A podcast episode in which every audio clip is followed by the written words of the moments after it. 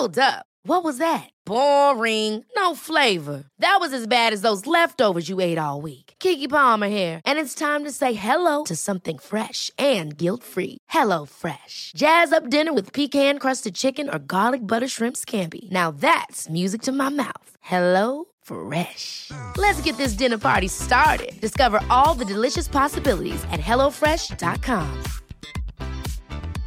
Cool fact a crocodile can't stick out its tongue. Also, you can get health insurance for a month or just under a year in some states. United Healthcare short term insurance plans, underwritten by Golden Rule Insurance Company, offer flexible, budget friendly coverage for you. Learn more at uh1.com.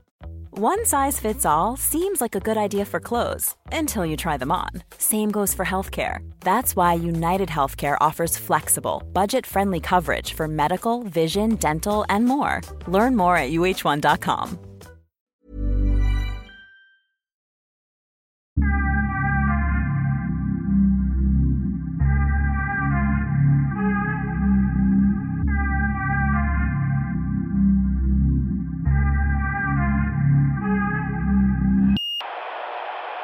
Jag hade så svårt att sova igår kväll. Ja. Och sen så höll jag på att googla och tänkte så här, vad har Lina jobbat med mer än förutom Uppdrag granskning?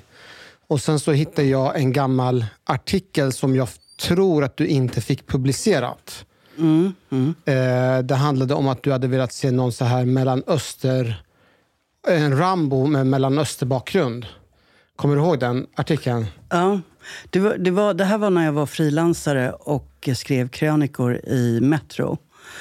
Och, ehm, och då hade jag sett ett gäng amerikanska filmer på raken. Som krönikör så ska man ju komma upp med nya ämnen var och varannan dag. Så, att, eh, så jag eh, målade upp en film där det var en arab en med mycket hår och mustasch och helst muslim också som var som en Rambo i, i en film som skulle upp på biograferna. Så jag lekte lite med den, men den blev publicerad. Den blev Ja, det publicerad? Ja, Okej. Och sen så såg jag att du hade gjort också någon dokumentär om någon självmordsbombare. Nej, inte självmordsbombare. Nej, Om en, flygplanskapare. Ja, om en flygplan. Är det världens första kvinnliga flygplanskapare. Leila Khaled hette hon. Eh, hon heter hon än idag, för hon lever och bor i Jordanien. Eh, och hon var marxist-leninist och aktiv i en palestinsk eh, befrielsegrupp, PFLP, eh, som blev kända för att kapa flygplan för att sätta Palestina på världsagendan. Och när jag var typ... Eh, när jag var ja, ung tonåring så eh, hade jag... Det finns en ikonisk bild på Leila Khaled där hon har gjort en, nu vet inte jag vad det heter, alltså en ring av eh, det som man stoppar in i en k-pist. Alltså, en Kalashnikov. Ja, eh, så hade hon gjort en ring av den och så har hon en palestinsk kofia på sig. Eh, och hon är väldigt vacker på den här bilden. Eh, så den hade jag i mitt rum. Och, för, och hon, man kan säga att jag var rätt så imponerad av henne och hade henne som idol. Men bredvid henne så hade jag eh, också han i Karate Kid. Jag hade Madonna. Och jag hade Tom Cruise. Så, att, eh, så att det var en blandning där. Ehm, och det var därför jag gjorde den dokumentären. Ehm, men när jag gör dokumentären så är jag ju så pass gammal så jag har ju inte längre idoler. Hon är ju inte min idol eller så när jag eh, gör en dokumentär om henne. Ehm, utan då vill jag egentligen försöka förstå varför hon kapade flygplan och eh, definitionen av vem blir terrorist och vem blir eh, frihetshjälte. Och vem är det som bestämmer det egentligen? Du var med i ett av mina favoritprogram, eh, Fittja Paradiso. Ja. Det var ovanligt. Det är så ovanligt att någon säger att det är ett favoritprogram. Det- Det är en oerhört bisarr program. Ja, jo, jag vet. Berätta om den. Jag har inte... Alltså första avsnittet, jag, Mm. när, man ser det på Youtube, man tror ju att det är ett skämt. Mm. alltså det är Janne Josefsson som är programledare och så inleder han med att säga, ja, jag är här i Fittja, högst upp på elfte våningen i någon eh, förort, någon höghus. Och så säger han så dagens gäster, det är tre män i en bastu bredvid. Det är två vita och en svart snubbe i mitten. Och sen är det väldigt seriöst samtal i soffan. Sen är det någon ung reporter, för du är, du är en av de unga reporterna, som har en, samlat en massa förortskids som säger att de är för dödsstraff, och så ska de förklara varför. Och så, ska, och så har de hittat den enda svensken som bor i Fittja och gör ett reportage om honom. Om, man tror att det är på riktigt, men det är det ju inte, för att det är en svensk komiker som går omkring i en så här korridor i ett höghus och så spelas det arabisk musik och så från en lägenhet så öppnar han den och säger så här Ramadan är slut! det är ett jättekonstigt Alltså, program. Ja, det, är, det är en skådis som heter Göran Ragnerstam som, som spelar den här eh, svensken, den enda svensken i Fittja. Och vi fick ju problem för att folk trodde ju att han fanns på riktigt. Ja, för att, för att ni gör ju verkligen anspråk i programmet att det här är ett seriöst program som visar vanligt folk som bor i förorterna som inte kommer till tals. Och det gör de ju också mycket i programmet. Men, Ja. Vad minns du från det programmet? Nej, men jag... jag eh, alltså det, det var ju väldigt kul. Det var mitt första tv-jobb eh, som, som jag sökte. Och, eh, och jag kände faktiskt inte till Janne Josefsson när jag sökte det här jobbet. Och sen var tanken att vi skulle hänga ute i Fittja och redaktionen skulle finnas där. Och eh, Janne inledde första programmet med att säga att eh, vi ska göra det, vi ska göra tvärt emot vad alla andra journalister gör.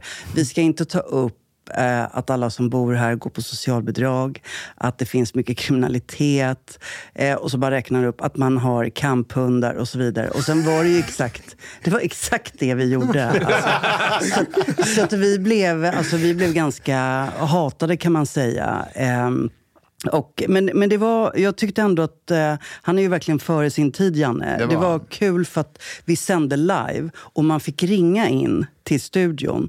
Och i det här första programmet där vi diskuterade dödsstraff så avslutas eh, programmet med att Cecilia Uddén som är korrespondent ni vet, eh, eh, för Sveriges Radio, hon hade bevittnat en avrättning i USA precis och eh, beskrev den, eh, hur det såg ut och hur det var. Och samtidigt gick eh, slutmusiken upp som var så här någon Elvis-låt. Och samtidigt så ringde folk in. Alltså det var helt, helt galet, Alltså, det- men det- väldigt kul. Om ni tittar på det, du, du, du, du, hur sändes det här? För det är ett avsnitt när man pratar om dödsstraff och det är ett mord som har skett i Sverige och de går igenom det mordet, de, de intervjuar anhöriga eh, och, och alla som har drabbats av det. Och sen från ingenstans i studion säger Janne, ja då har vi mördaren på linjen. jo, han sitter på ett häkte någonstans i Sverige och han är med på lur. Ja. Och så frågar de, du, eh, många vill ju se dig död, vad tänker du om det? Och han bara, nej men det är inte kul, jag har jättemycket ångest för det här. Det är ett jättebisarrt program. Vilket år är det här ungefär? Eh, det, det sänds eh, 98 och 99. Eh, TV var bättre förr. Vi- Vilka var det som hatade er för att ni gjorde det här? Alltså det var både, man kan säga, om man nu får prata om en elit, men mediefolk och kulturmänniskor i Stockholm tyckte inte om oss. Vad var kritiken? Nej men, eh, alltså det skrevs ju krönikor och så om hur i helvete kan ni ens ha människor som är för dödsstraff i programmet?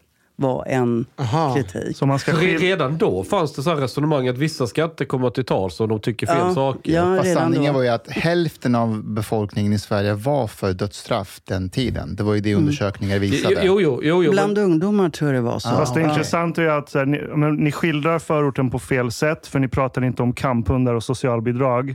Men sen när ni frågar vad folk där tycker, då får ni inte visa det. Nej, alltså vi Eller de ut... blir irriterade på att Ja. ni... När Janne gick ut och sa att vi kommer inte göra det, men sen var det ju exakt det vi gjorde. Alltså vi tog ju upp alla saker som man tar upp när man åker till Aha, en okej, förort. okej, okej. Eh, Det var, alltså, vi var ju inte unika på något sätt. Sen försökte ju vi göra dokum dokumentära reportage från olika delar av Sverige, så allting var ju inte från Fittja. Men när vi var i Fittja så handlade det mycket om, alltså när vi specifikt skulle prata om Fittja så var det om eh, socialbidrag, om kamphundar och kriminalitet. Och eh, vi fick ju också inbrott i, i vår studio. Och eh, det låg kvar ett baseballträ och eh, men det, var, det var galet. Och till slut fick vi ha vakter. Och Janne ville för att verkligen känna att han var ett med orten. Så han, bo, han bodde i Vårby gård. Eh, Janne var ett mot den, ja. Han ville i varje fall. ja, men eh, så att, eh, ja, det var en Gick intressant han med keps på sniskan och en becknarväska? Och... Nej, nej, nej, det gjorde var han inte. inte Nej, det var inte så. Det var... Men Adidas-kostymen var väl även poppis då också? Ah, så, ja, den började väl växa då. De här Adidas-brallorna Mm, ja. med knappar på sidan. Ja, Hur, hur gammal var du då? Jag är 50 idag, så hur gammal är jag? 98, 99? Jag kommer inte ihåg. 26 va? Ja, något sånt. någonting. Men det var din första upplevelse med public service? Eh, nu ska vi se. Nej, jag hade frilansat lite för radion. Jag hade jobbat på Människor och tro och Studio 1 och P1 Morgon. Ah, respekten. och Det där, det där kunde ju varit något som hade visats på ZTV. Ja, Ja, ja verkligen. Det är ju Ja. art. Ja, ja, alltså om man tittar på det nu, det är fantastiskt. Alltså det, det här med eh, liksom, eh, förortsuniformen. Jag tror det finns en missförstånd att alla i alla förorter går med, liksom, med Adidas-byxor. Alltså olika förorter förr i tiden, nu vet inte jag ens hur det ser ut nu.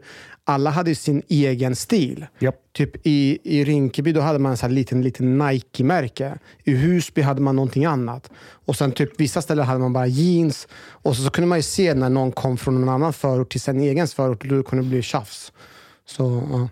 Men du uppväxt i Jakobsberg, va? Ja. Ja.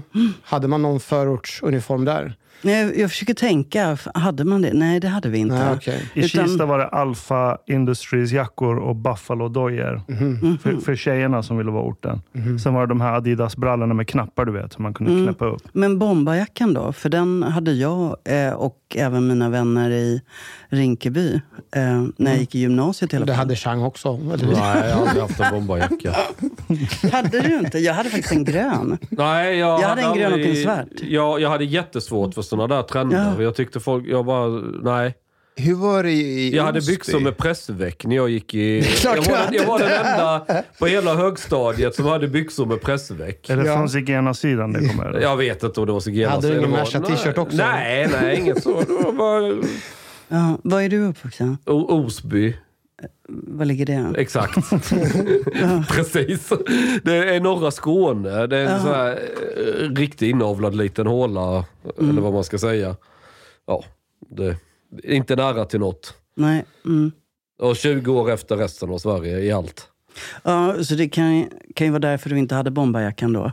Det, det fanns de som hade. Jaha. Men det, det var ju de som var skinnbulor. Mm, inte bara. Jag hade ju den. Fast hade hade inte de, bombarjacka. svart, de hade svarta väl? Med Nej, sån de här har- röd brittisk tyg på insidan. Ja, ja, vissa av dem. Men grönt var ju också poppis. Okej, ja, nej det var de enda jag såg med bombarjacka. Jag vet inte om det fanns någon, jo, kanske någon enstaka. Men då var det skinnbulorna i sådana fall. Och sen såna här Dr. Martens-kängor Ja. och, och det där stuket. Jag fick inte ha bombarjacka. Jag hade bombarjacka, men jag fick inte ha, eh, vad heter det, så här skinn, eh, vad heter det, stålhätta. Inte? Nej. Mina föräldrar sa att det, det är föräldralösa och kulturlösa barn som har bombarjacka. Du får inte bli bl- beblandad med dem. Min Nej. Det mamma sa mina Okej. föräldrar också, fast om jag skulle ha kort hår.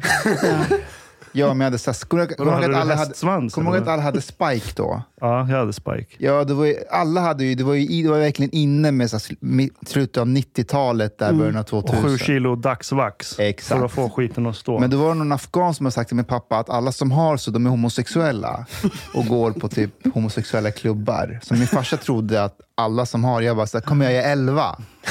Men vad- om inte du fick ha kort hår, vad hade du för frisyr då? Ja, men jag hade typ, eh, alltså jag hade spike i skolan, så när jag kom hem så kam jag ner det och gjorde mittbena istället. Ja, ja. är, är du hel palestinier? Ja. Hur, hur, hur mycket har det präglat din uppväxt? Oj, eh, väldigt mycket. Det, ja, det känns som att jag liksom tillhör två olika världar. Eh, men Sån är jag med ju. ja, Min mamma är judinna och min pappa är zigenare. Så jag går in i en affär vet jag inte om jag ska pruta eller stjäla. Den har jag hört fem miljarder gånger. ja. vad jobbigt för dig. Ja, det är identitetskris. Ja, ja. Förlåt, nu skulle du Nej, prata om... nej, om Ja, ja, ja, men men, Stopp, jag, nej, men, nej, men vad, vad, vad börjar man? Jag är liksom ja, uppvuxen i Jakobsberg. Eller jag är född i Södertälje. Men min pappa och mamma lämnade Södertälje när jag var två år för att ehm, de ville bo i ett område med mer svenskar. Jaha. Och det här är ändå vad blir det, 75 eller 76 redan. Men du, du försvenskad palestinier? Eller? Nej, nej, nej, nej, det tycker jag inte. Eh, men alltså, ju äldre man blir, alltså, jag, jag känner mig som en, som en svensk. Ja, du låter som en svensk. Ja, ja, du tycker det? Ja, det tycker jag. Men jag har ju bott här hela mitt liv. Ah, det kan ju vara en förklaring. Ja, Hon har bott här längre än du funnits. Ja. Så det är inte så Ja, ja, konstigt. precis. Eh, och sen, men sen har jag ju hälsat på min släkt i Palestina. Jag har jättemycket släkt på Västbanken. Så att... ehm, Hur Känner du dig som en svensk när du kommer ner eller känner du att det här också är en del av dig? Eller? Jag känner mig mest glad, men mina släktingar kallar mig för svenskan. Eh, Ja. För att de tycker att jag har ett svenskt sätt. Eh, och sen så kanske de inte tycker utseendemässigt att jag eh, ser ut som en palestinier. Men det kan ha att göra med att min farmor är, eller var turkcypriot och min mormor är från Libanon. Nu, eh, Kan man verkligen se skillnad på någon från däremellan? Ser man det på Ja, det människor? kan man. alltså, jag kan. jag pratade med Hamid Safar Ja. och han berättade att när han är i Afghanistan, du vet, då tar han på sig den här långa klänningen. Det har man, du vet, den här. Dishdash, eller? Mm. Ja, precis. Ishtash, okej. Ja, heter den? Ja, ja, Och så är han ute liksom vad som helst i landet. Och Hamid har ju skägg och han, liksom, han har på sig traditionella afghanska kläder. Och när han tar en taxi, sätter sig i en taxi, utan att ens ha behövt utbyta någon mening med taxichauffören så frågar taxichauffören varje, ja, vilket land kommer du ifrån? Mm. De vet att han är afghan. Ja, Det ja, vet ja de. för det, man ser ju det på Ja, honom. men de är såhär, Ja. vilket europeiskt land eller västerländskt land kommer du ifrån? Och han Ja. frågar alltid, hur vet du? Och Men han, det, Jag är, vet. det är små Mm. detaljer. det är små detaljer. Det är, Ska, ska jag berätta en grej som jag märkte själv när jag var i Etiopien? Undrar det- om varför du inte var från Nej. Etiopien.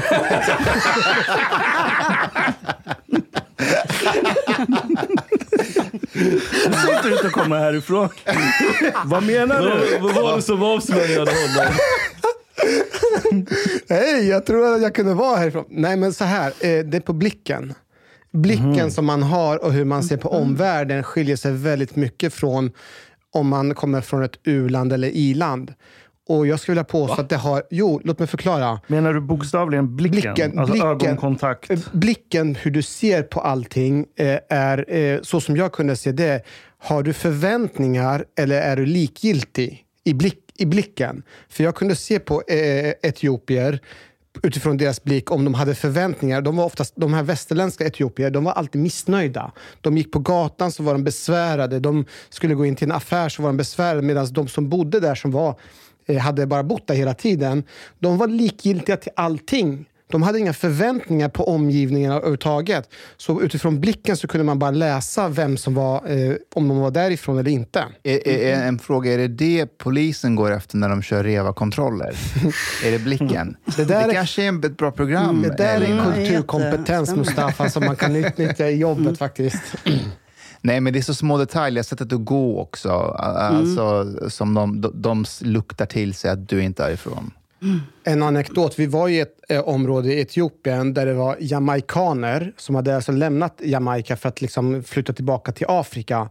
Och på dem kunde man se att de var jamaikaner utifrån hur de gick, för de gick verkligen med attityd. Lina, den här boken du har skrivit, Revolutionens första offer. Bara en fråga, är du trött på att prata om den? Ja, lite grann. Men, men, eh, nej, men det är för att eh, nu, nu är jag mest nervös tror jag. För det var, jag blev intervjuad senast i maj faktiskt. Eller om det var juni, kommer inte ihåg. Så, att, så nu på vägen hit tänkte jag så här, jag kanske borde läsa den för att komma på vad, vad var det jag skrev egentligen. Men, men jag tror att det kanske sitter här bak ändå. Det, gör, men det, det är ju en omskakande bok och en riktig bladvändare. Jag läste ut den på en sittning och jag gör sällan det. Jag tror jag läste ut den på två dagar. Och en sak, du, beskriver ju om att du, liksom, du mår ju rätt dåligt där stundtals och får eh, posttraumatisk stress. Liksom. Vad var det du hade ångest över, alltså specifikt? Eh, det var ju framförallt att eh, folk hade skrivit saker om mig som inte var sanna och eh, att man hade spritt lögner om mig. Eh, det var också hur man hade beskrivit mig som person. Eh, folk som jag inte kände, inte hade någon aning om vilka de var, hur de beskrev mig som en eh, vidrig människa. Man kommenterade mitt utseende. Have catch yourself eating the same flavorless dinner three days in a row? Dreaming of something better? Well, hello Fresh is your guilt-free dream come true, baby. It's me, Gigi Palmer. Let's wake up those taste buds with hot, juicy pecan-crusted chicken or garlic butter shrimp scampi. Mm. Hello Fresh. Stop dreaming of all the delicious possibilities and dig in at HelloFresh.com. Let's get this dinner party started. Even when we're on a budget, we still deserve nice things. Quince is a place to scoop up stunning high-end goods for 50 to 80% less than similar brands. They have buttery soft cashmere sweaters starting at $50, luxurious Italian leather bags, and so much more. Plus, Quince only works with factories that use safe, ethical, and responsible manufacturing. Get the high-end goods you'll love without the high price tag with Quince. Go to quince.com slash style for free shipping and 365-day returns. Och eh, så att eh, för mig var det nog en... Eh, jag hade skamkänslor, men inte skamkänslor för att jag kände någon skuld eller så över vad jag hade granskat. Utan jag skam för att eh, mina vänner och min släkt också kunde läsa de här sakerna. Och vad kommer de då tänka om mig? Det var väl det som var min ångest, kan man väl säga. Om vi går tillbaka till... Du, du skulle göra en granskning om metoo. Mm. Vill du berätta varför skulle ni göra det från första början och varför fick du den uppgiften? Um, ja, ni kommer säkert ihåg eh, metoo hösten 2017 när en rad kända män hängdes ut på löpande band för att eh, ha begått... Eh, anklagade för att ha begått sexuella övergrepp, eh, varit vidriga och äckliga och så vidare. Och... ehm, Ehm, i februari 2018 så eh, var jag reporter på Uppdrag granskning. Och då frågade min chef mig om eh, han hade funderat på hur medierna hade skrivit och eh, han undrade om jag skulle kunna börja titta på vad medierna hade haft för belägg för att publicera de här anklagelserna om de här männen som hängdes ut. Ehm, för att han menade att i vårt uppdrag, jag menar, eh, medierna brukar ju kallas eh, tredje statsmakten. Och då menar han att eh, det ligger i Uppdrag gransknings ansvarsområde att även granska medier. Vi kan inte bara granska företag och så vidare. Så, att, eh, eh så han ville att jag skulle titta på det. Och eh, varför han valde mig det där, jag fick en fråga om det och då hade den personen redan pratat med min chef. Och då kan jag säga då varför han valde mig. Eh, för att eh, han upplevde mig som orädd och att jag inte bryr mig om vad folk tycker och tänker om mig. Mm. Vilket inte visade sig vara sant då. Men, eh, och att eh, jag är kvinna. Eh, och ska någon granska detta så, så bör det vara en kvinna, för det blir fel om det är en man som gör det.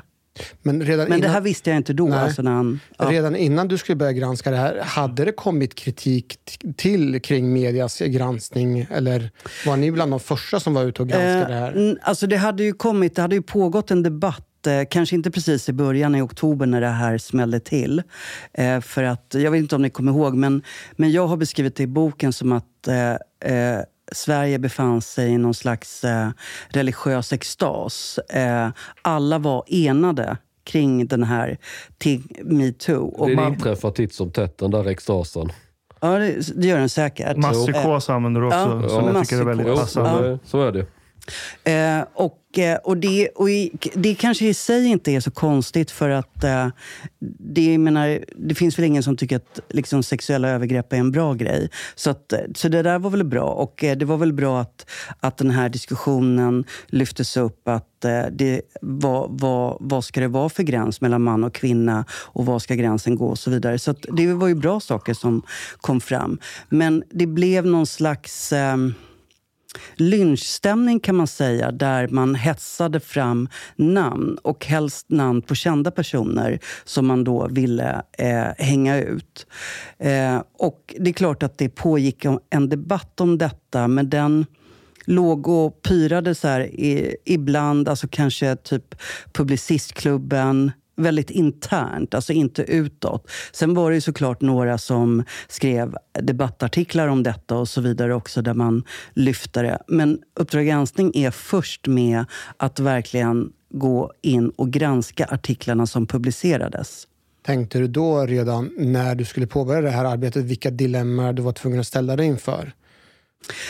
Nej, jag hade ingen sån tanke. För jag blir ju rätt... Eh, alltså när, när jag får ett uppdrag eh, som jag också går igång på, för jag gick igång på det här, för jag, jag tycker mediekritik är superintressant och superviktigt. Så att jag blir ju ganska anal. Jag låser in mig och sen börjar jag läsa allting som har publicerats.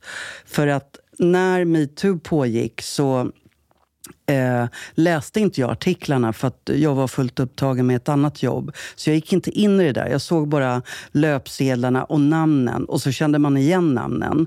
Eh, men när jag började läsa artiklarna så tänkte jag, men vad i helvete, har det här verkligen publicerats? Och det blev bara fler, fler och fler artiklar. Eh, och då fastnade jag för två namn som eh, jag tänkte att jag tänker i alla fall börja med de här. Och det ena var då eh, namnpubliceringen av Fredrik Virtanen eh, som då, alltså innan metoo briserade, var kolumnist, fristående kolumnist på Aftonbladet. Och eh, namnpubliceringen av eh, Benny Fredriksson, eh, Kulturhuset, nej, Stadsteaterns eh, förre VD. Får jag fråga dig bara så här, det här med att man publicerar namn kopplat till anklagelser för att man har eh, utfört olika typer av eh, sexualbrott. Så här, vad, är, vad ser du, vad är det publicistiska problemet? Eh, eh det är ju eh, just eh, saker som rör, eh, alltså som rör sexuella övergrepp. Det är ju så här att det namn som förknippas med något sånt är ju för alltid rökt. Alltså, det finns ingen... Man kan inte komma tillbaka efter det. Det spelar ingen roll. Man blir stämplad som paria. Och det här vet väl medierna om, att om man gör det så är det ja. det här konsekvensen som blir? Ja, så, så därför, och, och jag tycker i och för sig, jag, jag, tycker att det ska gälla med allting vi eh, journalister gör. Att, eh, ska man anklaga någonting, någon för något klandervärt så ska man ju verkligen ha belägg för att personen har gjort de här sakerna. Mm. Vad, vad, Innan... vad, vad, var det du, första, om du kommer ihåg det, du såg som fick dig att undra Okej, det är någonting som inte stämmer här. Det var eh, Expressens eh, sex sidor långa artikel, artikel om Fredrik Virtanen. Där de inte själva hade varit i kontakt med någon av de som hade anklagat dem. Det var, de citerade inte dem, utan de gick på eh, anonyma konton som låg på Instagram och andra sociala medier och refererade till dem. Så då kunde jag se att då har de inga andrahandskällor. Alltså de har inga andrahands, eh, eller uppgifter på att det här verkligen stämmer. Man kunde se att de inte har gått till botten med uppgifterna i artikeln. Och sen eh, var artikeln också baserad på lösa rykten om Fredrik Virtanen, alltså väldigt långt tillbaka i tiden. Eh, så det var liksom som en Ja, en, en skvallertidning. Eh, det var, den är väldigt speciell, den artikeln. Jag förstår inte hur den kunde bli publicerad. Det är därför jag tycker masspsykos är befogat mm. i den kontexten. För det, det, är miljontals par ögon som läser det där, som läste det där. Och inte en enda jävel, eller det var väl säkert vissa som funderade på det. Men det var inte en enda jävel som gick ut offentligt och kritiserade. Förutom Alexander Bard, typ. Ja, det, det var faktiskt fler än Alexander Bard, men, men han gick ju verkligen ut. Eh, ja. Och sen ja. Åsa Linderborg då, ja. senare. Men sen gjorde ju hon bort sig med Benny Fredriksson. Mm. Mm, det, för det var väl också att hon inte har haft någon självkritik till det? Eller hon har inte liksom svarat på kritiken? Eller vad är problemet där? Men skrev Nej. inte hon året med 13 månader? Eh, de försökte göra upp med den där historien. Ja, hon har skrivit en bok om det. Men eh, nej, det, eh, jag tänkte på svara Hanif. Det, det Åsa gör det är ju att hon, vilket jag också har med i boken, det är att hon i flera artiklar i samband med att Expressen namnpublicerar Fredrik Virtanen eh, diskuterar eh, pressetik och vad håller vi på med och vi måste sansa oss. Men sen, typ några veckor senare går hon själv och hennes tidning Aftonbladet och gör samma sak med Benny Fredriksson. Mm. Och jag vill bara förtydliga, så att, eh, för, eftersom eh, det inte... Man, man påstår att eh, man pratar om sex, eh, sexuella övergrepp och att han har bidragit till det med Benny Fredriksson. Och sen är artiklarna under sån här metoo-tagg. Så man, det förknippas ju med metoo när det gäller eh, deras granskning av Benny Fredriksson.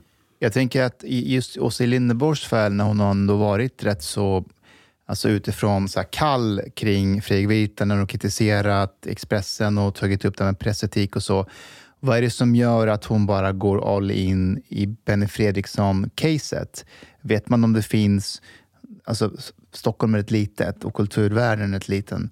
Är det, fanns det något personligt där eller vet man det? Eh, alltså, Du har ju träffat henne tre gånger va? Ja, ja. Så ni är Eh. ju typ bekant. Ja, ja. Eh, nej men bekanta, nej men vi, vi har ju träffats och vi har pratat, men vi har faktiskt inte pratat om specifikt om detta för att jag var ju på väg att granska henne och Aftonbladet. Det här är ju innan jag sen innan vi lägger ner det programmet. Eh, och då träffas vi första gången. Men det, det finns ju det finns ju massa spekulationer om det.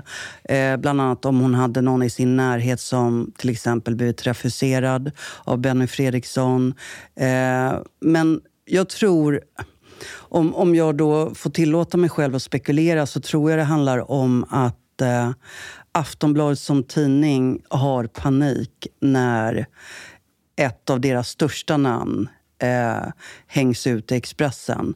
Och eh, man vill göra någonting för att skifta fokus. Och därför tror jag att eh, de gör som de gör med Benny Fredriksson.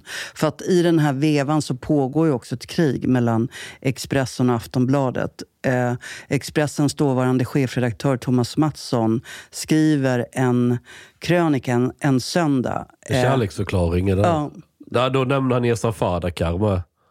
vem? Esan Fadakar. Eh, Som också hade varit på Aftonbladet. Ja. I förbifarten slänger med Ja. hans namn. Och Ja. lite sådär, apropå ingenting.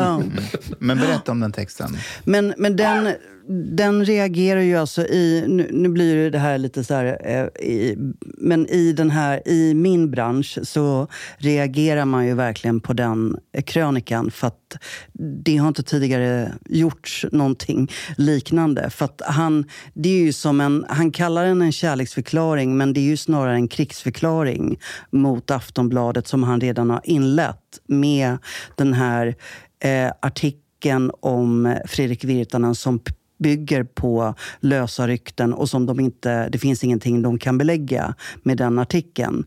Ehm, så, att, så jag tror att eh, Aftonbladet eh, var i stor kris och hade panik. Eh, och därför eh, gör de som de gör med Benny Fredriksson.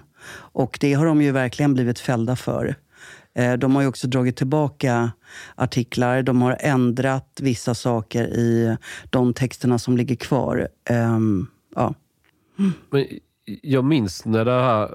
För då var det ju, jag, vad hette hon som var chefredaktör? Då hon var det inte så länge. Nej, Sofia Olsson Olsén. Så var det, ja. Så men var hon det. var sjukskriven under Benny Ja, men Fredriksson-publiceringen. innan dess när det var Virtanen så minns jag att hennes första resonemang, alltså när det började blossa upp, det var ju att jag menar, han är vår medarbetare. Vi måste liksom, som alla andra medarbetare, liksom ta, inte, kanske inte försvar, men vi måste se till hans sida. Vi kan inte bara sparka på att det pågår rykten.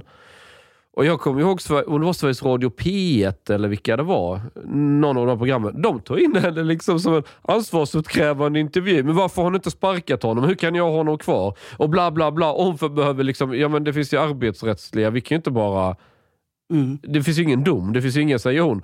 Och hon får skit av hela media-Sverige. Bara kastar sig över henne. För att hon liksom inte låter pöbelväldet styra vem som jobbar på Aftonbladets ledarredaktion. Så man kunde, jag kommer ihåg när man kunde ju höra på rösten paniken hos henne. Vad ska hon göra? Det var ju liksom hur klämt läge som helst. Ja, eh, jag skulle säga det om den här krönikan som Thomas Mattsson skrev. Då börjar ju han eh, spekulera i vem som han tror kommer efterträda henne. Alltså innan hon ens har lämnat eller alltså, blivit sjukskriven. Och det är ju rätt fult alltså, det, att han... Så det, det, det, gör han där. Och sen, dagen efter att han har skrivit det, så sjukskriver hon sig. Mm. Och sen kommer hon ju aldrig tillbaka till tidningen. Ja, Mattsson har en, mm. det är lite grisbrottning ibland när han sätter igång. Ja. Det är en scen i boken som jag eh, kommer rätt väl ihåg. Det här är när Cissi Wallin och Hanne Kjöller är med i Aktuellt mm. för att prata om namnpubliceringar av de här personerna. Då. Eh, och då säger Cissi Wallin så här. Eh, jag namngav min förövare Eh, för, eh, för, att, för att jag ville göra allt rätt från början. Jag anmälde, jag försökte bli hörd på olika sätt, men jag blev inte det. Men, men då skriver du så här. Men varken Kjöller eller Aktuellts programledare frågar Cissi Wallin vad hon tyckte om polisens utredning av hennes fall. Därför att polisen utredde det, det var en ganska lång utredning mm, mm. och de kom fram till att de, de, de lägger ner det. Mm. Eh, hon fick inte heller frågan om var gränsen för namngivning av förövare ska gå. Inte heller fick hon frågan om konsekvenserna för deras namngivnes familj. Tittarna fick inte heller veta vad eh, han, Kjöller och Cissi Wallin ansåg om omvänd bevisbörda eller vad debattörerna tänkte kring att namngivna förövare förlorat jobb och anseende. Och är det tillräckligt straff och så vidare. Och så avslutar de med att säga så här. En tanke återkom hela tiden i mitt huvud. Var det bara jag som tyckte att mina frågor var relevanta? Och du vet, jag känner igen det här att, att du vet, när man jobbat som polis så tänker man kring så här rättsstatens principer och så här att men på den tiden var det verkligen att nej, rättsstaten är trasig. Mm. Det går inte att lita på den. Mm, mm. Så vi måste ha den här revolutionen. Mm. Och att du nämner deras familj och att vi liksom... De förtjänar det här. Kom mm. inte och säg någonting annat. Mm. Den där stämningen, den var, den var väldigt läskig, kommer jag ihåg. Alltså det var verkligen, var tyst. Vi, vi, vi håller på med revolution, vi måste knäcka några ägg. Men för fråga, när du, de här frågorna som du ställer i, i texten här, mm. är det frågor som automatiskt du tänker på eller är det sånt som har byggts upp under tiden som du börjar granska det här?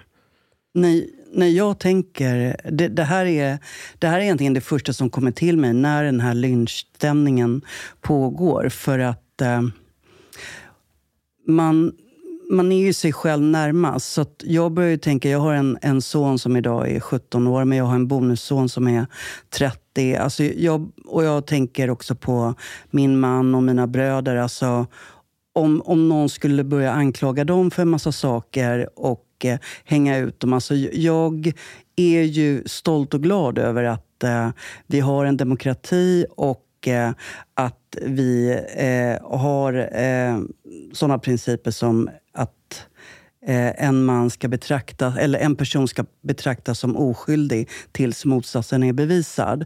Och att vi inte heller har omvänd bevisbörda som, vi har, som det finns i andra länder. Det tycker jag är skitviktigt. Så att, så det här, jag vet inte, det här fanns, liksom, det finns i, i mig, i mitt mm. DNA kan man väl säga. Hur, hur kommer det sig?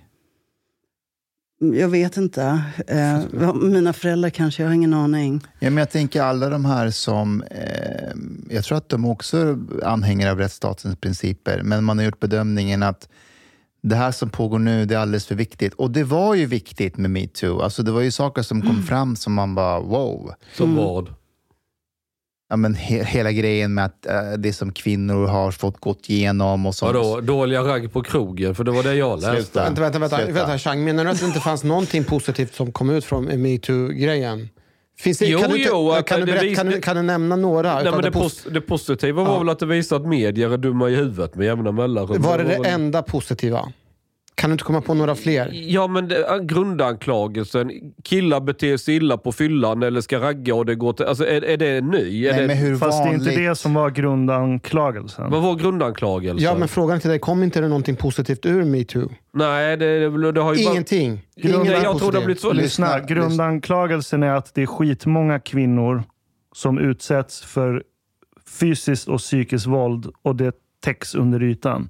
För att män dominerar med fysisk överlägsenhet. Och att de har accepterat det och bara låtit det vara. Alltså hur vanligt det är. Inte att, inte att jag var så här, vad förekommer det? Det är klart att det förekommer, men hur vanligt förekommande det ändå har varit. Men hur vanligt var det då? Jag, jag vet inte, Det fanns det, där, är, någon... det där är en jävligt intressant fråga. För Ja. Jag frågade skitmånga, du vet när man hade middagar och så här, som hade gjort metoo hashtag. Och så frågade jag, jag såg att du hade gjort det. Vad, vad, vad har hänt? Liksom? Vad har du varit med om? Och då var det så här, alltså jag själv har ju inte personligen varit med om det. Någon gång så var min chef otrevlig, men det har aldrig varit något så här sexuellt. Men, men jag kan känna igen mig i det och därför vill jag stötta. Det var många sådana, Okej. det måste jag Ja, säga. det- Så, så att räkna hashtags ger ju inte en korrekt bild av hur många som faktiskt blivit förtryckta. Men kom igen, vi kan inte förneka att män har varit svin okontrollerat väldigt länge. På ett sätt som inte är naturligt tillstånd för oss. Varför var- pratar man alltid om män? Min morsa prylade skiten ur Jag hennes vet. gubbe Jag- och, och var helt jävla CP-störd. om, om, om man säger att män, inte alla män, med extremt stor sannolikhet en minoritet män har betett sig skitlänge, systematiskt Ja, ja förtryckande mot Ja. kvinnor.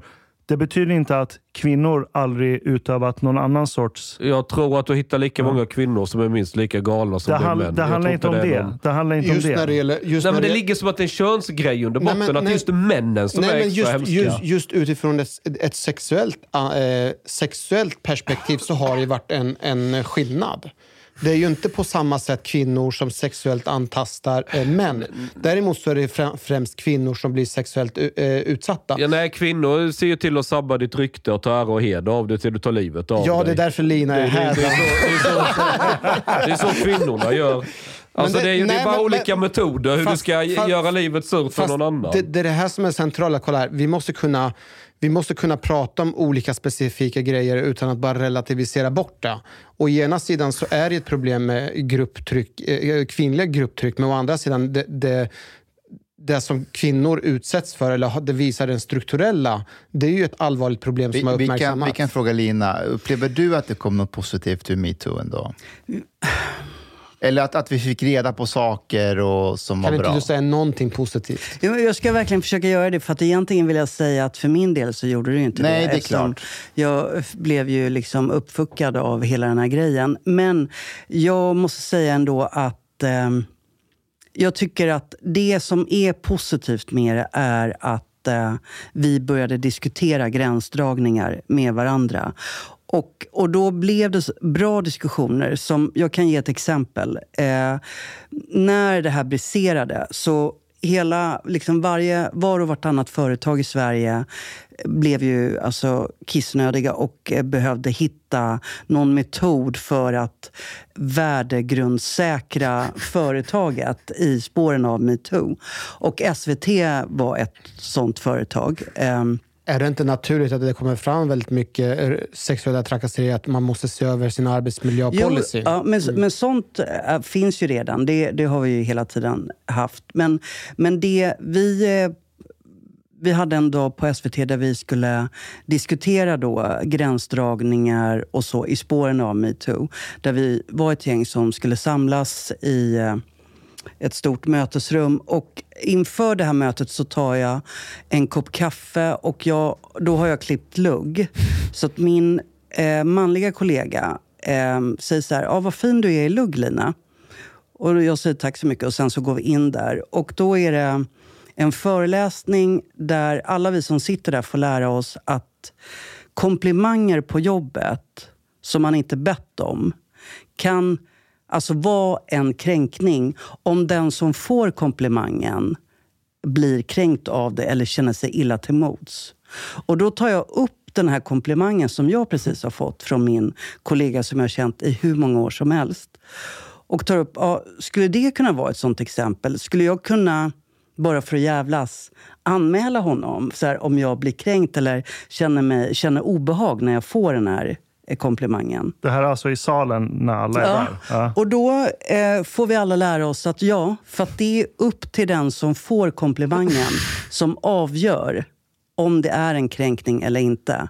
Och det tycker jag, det blev ju en väldigt intressant diskussion då. Eh, men, men jag tycker att det är intressant alltså. Vi hade Eh. likadant på polisen. Vi hade ju de här... Det finns, vad heter den här... eh, är det mansgrupp eller Fatta eller vad heter de? Jo, fatta. Fattar man? Fattar man. Och då var det typ woke-killar. Det var någon iranier som, är i, som, får, ja, som sitter där, som kommer dit. Och vi, vi skulle utse egen personal, så vi satt där och hade typ diskussion.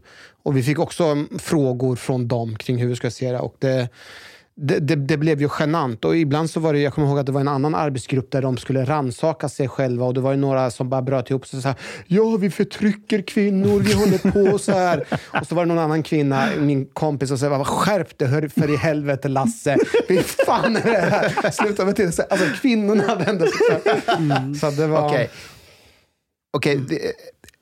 Lite positivt har det kommit ut, men, men kanske inte överlag. För att jag, jag har ju också läst att i, USA, där spårar de ju alltid ur. Så mm. Eh, storföretag, när de ska, ska åka på konferenser, mm. då har männen i förväg ringt till, till eh, hotellen och, och krävt att, att, att det ska bara vara män på en våning. Alltså eh, bredvid Sharia är lösningen. Ja, ja, för att de, de vill inte ha någon kvinna på deras våning. för att de vill inte riskera att, att när de har druckit lite, att Jaha. de är på samma våning. Shit. Bara för att ta det säkra för det osäkra. Mm. Mm. Och, vad heter han, Mike Pence. Mm. Som, um, han hade ju en policy som han haft i alla år. Han är en sån där uberkonservativ kille att eh, han, varje gång det är en kvinna, han, alltså kollega i hans rum, så, så har han alltid dörren öppen. Mm. Och han äter aldrig middag med en kvinnlig kollega. Och du vet, när allt det här började hända, då var, då var han ute och bara så här, hej, vad var det jag sa?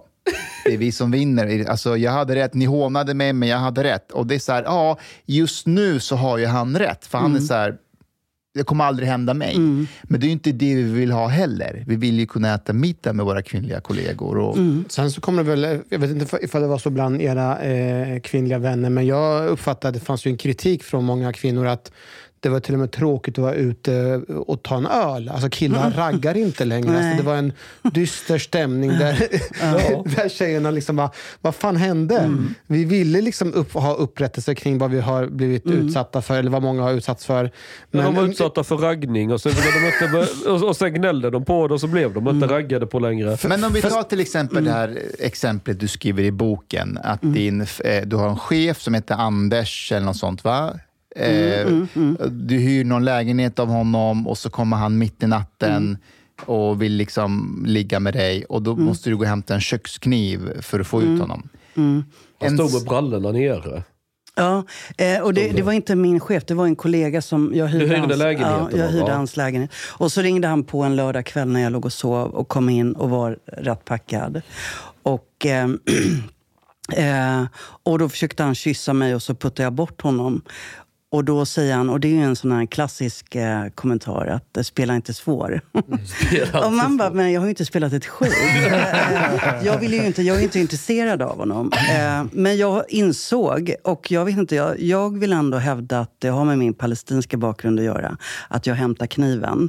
Eh, du ville ju omskära honom först innan det blir en nej, nej, det blev mer nej, jag, jag hade nej. inte tänkt att göra någonting. Men jag, jag tänkte att han är så korkad för att han är så packad. Så att om man ser kniven så fattar han att det är inget skämt här. Jag vill bara att han drar, ja. för jag orkar liksom inte.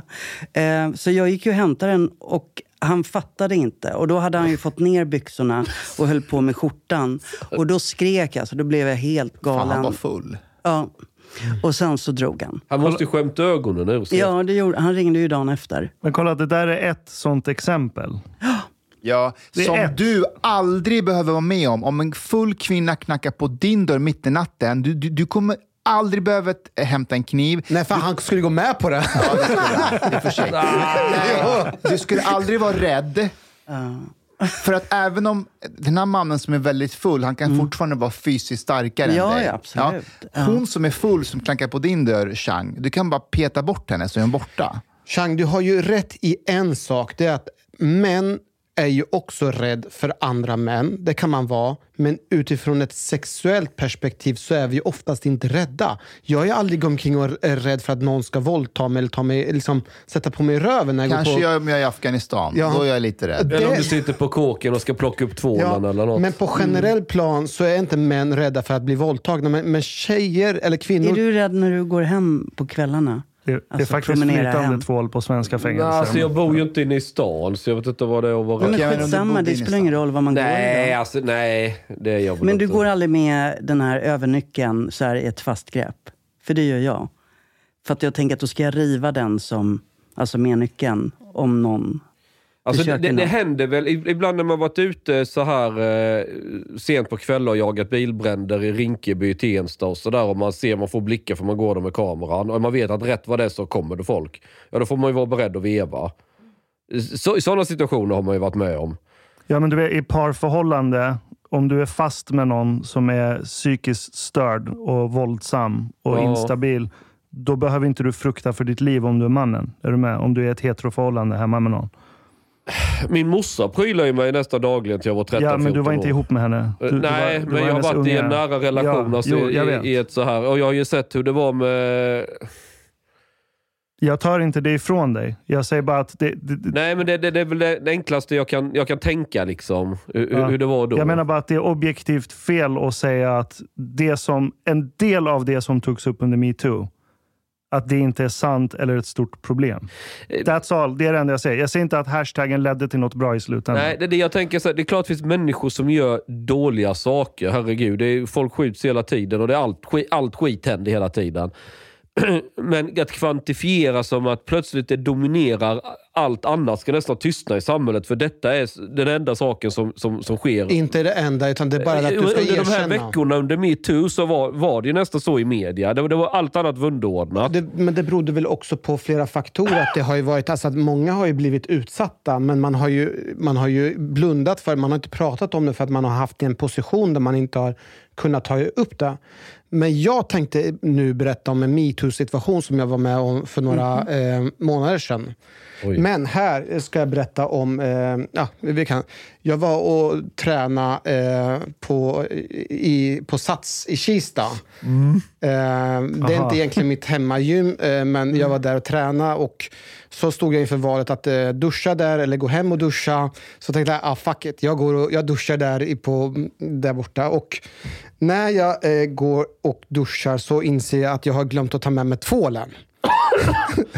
Så, eh, så, så här, fuck it. Då, då går jag så här, men, då, när jag håller på att duscha så tänker jag så här, eh, det här är väl lite fan onödigt att duscha överhuvudtaget. Jag menar, om man inte har tvål och tvåla in sig, då är det liksom helt, helt liksom förlorat. Hade jag varit på ett polisgym så hade jag kunnat fråga vilken kollega som helst, ursäkta jag kan få låna tvålen. Men här står jag inför val. Kan jag fråga en helt främmande person om tvål eller inte? Och så tolkade de det som något annat. Och så när jag var där efter ett tag, jag bara spanade in personen, så, så, träffade Du spanade in en person och går fram och frågar. Okej, fortsätt. Japp, japp. Jag, gjorde det. jag tittade på en kille och frågade så du, jag ser att du har tvål med dig. Skulle jag kunna få lite tvål? Och vet du vad han gör? Nej. Han vänder sig mot mig och har världens bredaste leende. och, och, och så, så säger han, det är klart du ska få låna tvål. Men, är du naken när du... ja, ja, men jag är och dusch, vi är och duschar. Men vänta, sa inte hans snygg kuk också? Vänta, jag kommer Aha, till det. Jag trodde du var klar. jag bara, Nej, nej, nej. förlåt. Så när jag håller på att dusch, duscha så ser jag att hans leende fortfarande är kvar. Och så, så tittar han på mig och så, så säger han snyggt. Och jag bara tänker, vad fan är det han snackar om? Så han säger, ja men snygg kuk, säger Ja, det han. var väl en bra kommentar. Och jag tänker så här, jag vill inte vara homofob. Och jag vill, inte få panik. Så jag försökte bara låtsas om så att det inte hade hänt någonting. Men han insisterade och skulle prata om min penis och sen började han prata om bastun. Om att det, det här var ju under tiden när bastun var avstängd. Så här. Och, men det jag tänker efteråt att det här var ju en fucking jävligt märklig situation jag varit med om. Hade det här varit hade jag varit en kvinna så hade jag kanske haft en så här offermentalitet och gått, gått omkring och tänkt att jag var, mått väldigt dåligt. Men det här blev ju resulterat till att det blev en, egentligen bara en rolig grej efteråt. Men han, han, han feltolkade ju dig. Han trodde ju att Ja, du, du försökte... Ragga på honom. Ja, det var ju så han uppfattade det där. Men han... Ja, men, ah, jag fattar inte. Sen när jag hade be om tvål har blivit samma Ja, sak. men om, du- om du kommer där och du tittar lite, spanar in honom som du själv säger och sen frågar om tvålen. Jag, jag kan se att folk kan uppfatta det där kanske. Jag skulle inte... Nu vet inte jag hur bögar raggar på varandra. Jag har inte varit i den svängen. Du men- verkar kunna to- tolka den här situationen jävligt bra, Sean. Eh, Ja, men du är ju ett fruntimmer i normala fall. Jag Ja, ska prata Lina, känslor, ja, så jag kan ju se dynamiken. Det här är min metoo-situation som jag har varit med om på senaste. Men jag känner ingen så här... Men du fick ju komplimanger. Du hade ju snygg eh, Ja, ja, ja, ja, ja. Ja. Mm, mm. Lina, när du, när du kommer ut med boken, känner du att eh, har klimatet lugnat ner sig lite? Alltså att din, din bok kom ut i rätt tid?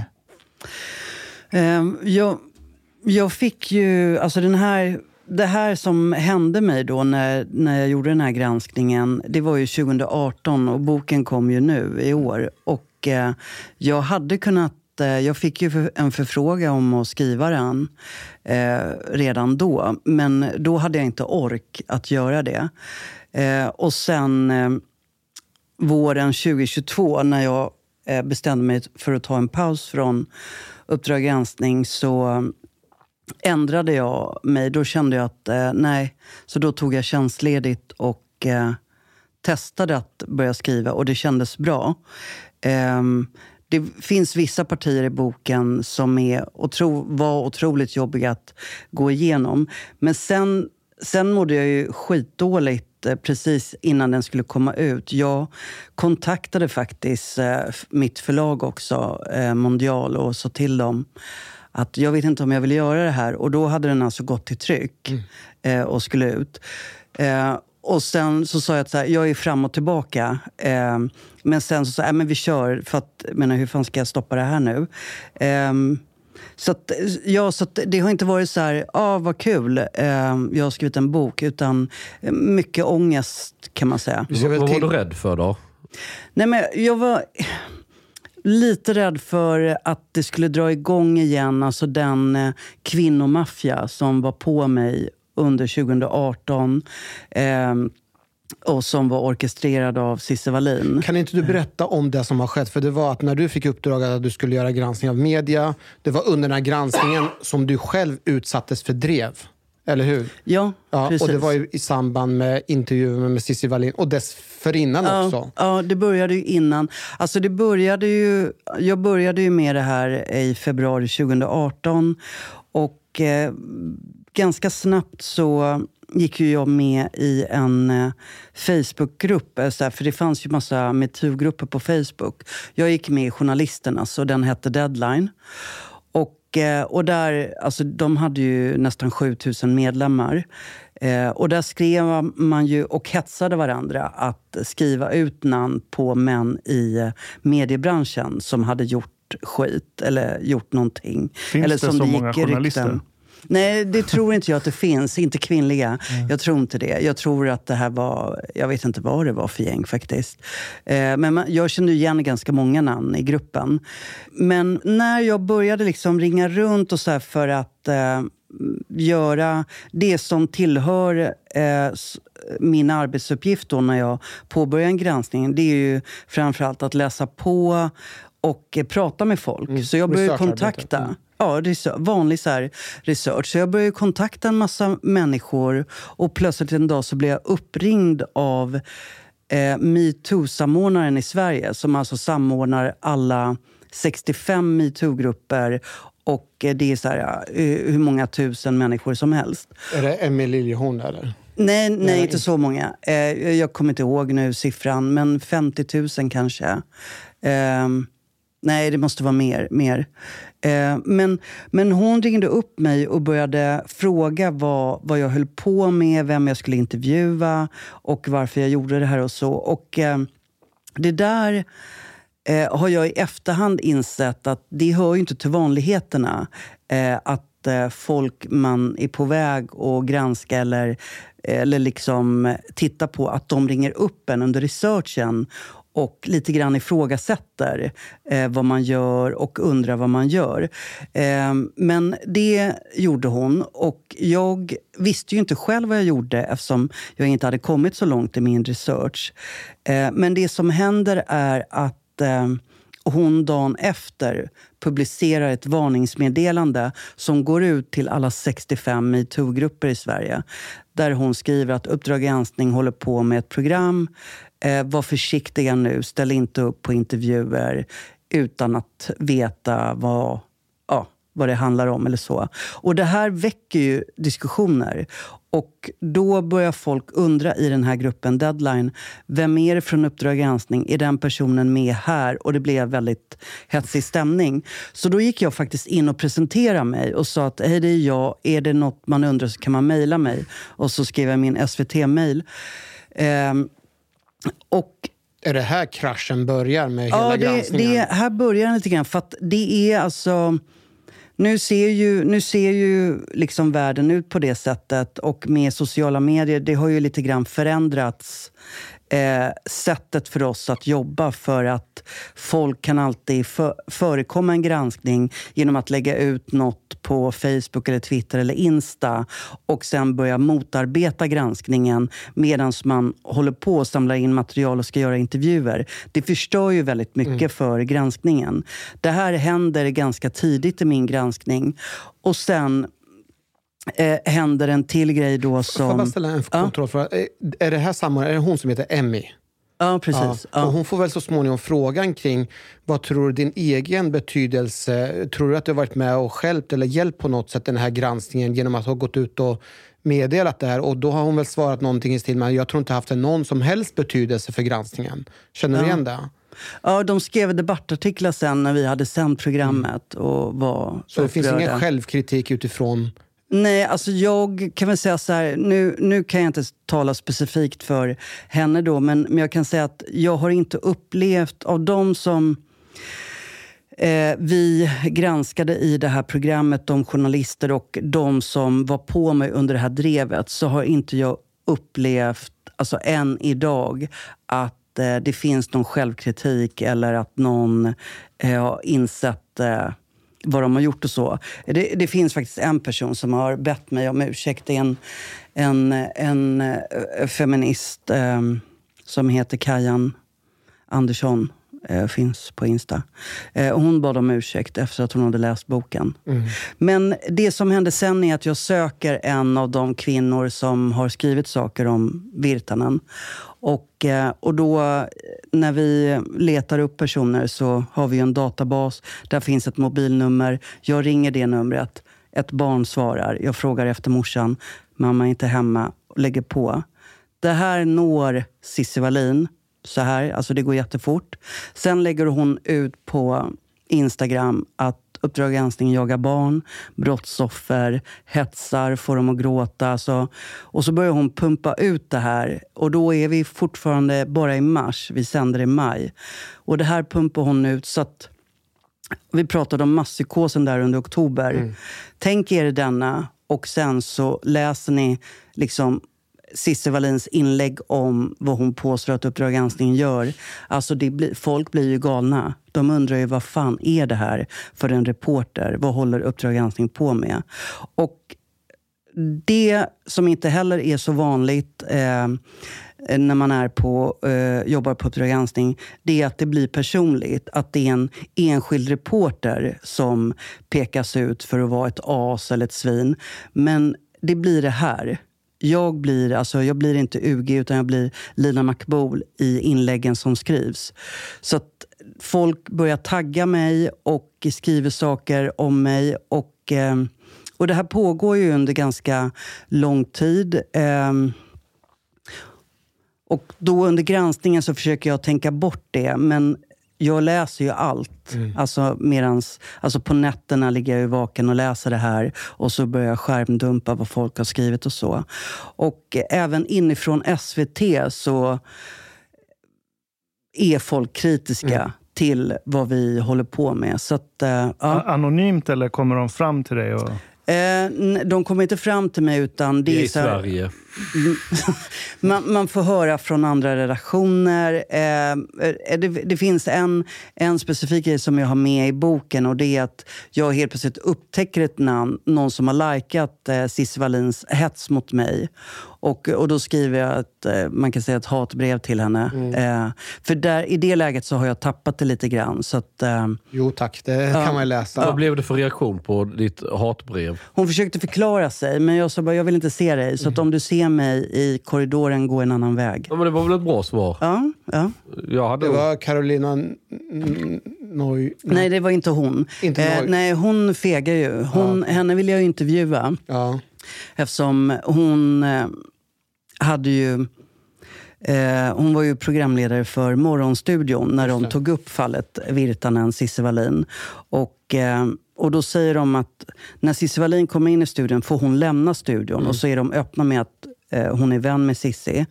Eh, därför sitter hon, hon kvar. Men sen kom ju Jan Helin som eh, är chef på SVT, i alla fall några veckor till. Och som har varit chef för Fredrik Virtanen. Och så blev han intervjuad om vad han visste och inte visste. Och då var Carolina Neurath med där. Och då undrade vi, eh, när vi gjorde det här programmet då, om opartiskheten. Alltså var det så lämpligt att Carolina Neurath intervjuade Jan Helin? Men framförallt undrade vi varför SVT Nyheter inte hade varit öppna med vad Carolina Neurath hade likat mm om det som hade skrivits om Fredrik Virtanen. Det var något inlägg som hon hade likat som var så här att han är en eh, sadistisk mansspillra som hatar kvinnor. Alltså det var rätt sjuka påståenden om Virtanen som hon hade likat. Eh, och då ville jag intervjua henne om det, hur hon själv såg på detta. Eh, men hon, eh, feg, sa nej. Och sen eh, så meddelade hon Cissi Wallin att jag hade ringt henne. Och sen så blev det ett inlägg från Cissi Wallin om att jag jagade hennes vänner. När eh, Cissi Wallin lägger de här eh, inläggen, då, då berättar du att det, det, blir, det är en hatstorm mot dig. Vilka är det som eh, kontaktar dig? Vi, vilka är de här personerna? Okej. Du har lyssnat så här långt. På sista måltid. En mycket fin radioprogram i Sverige. Du tycker det är mycket trevligt. Men, min vän, lyssna på mig nu. Du har inte betalat biljett på klubb sista måltid. De har blate grabbarna de behöver pengar. Flis. Lax. Stolar. Dirabilar. Lyxhotel. Du vet. Då måste du betala om du ska lyssna mer. Du får många fler avsnitt också. Paket erbjudande, helt enkelt. Läs i beskrivning för avsnitt, där det finns information för att bli medlem på klubb moltit. måltid. Det kostar som en mycket liten kafe late ute på torget. Per månad. Lätt som en plätt. Tack,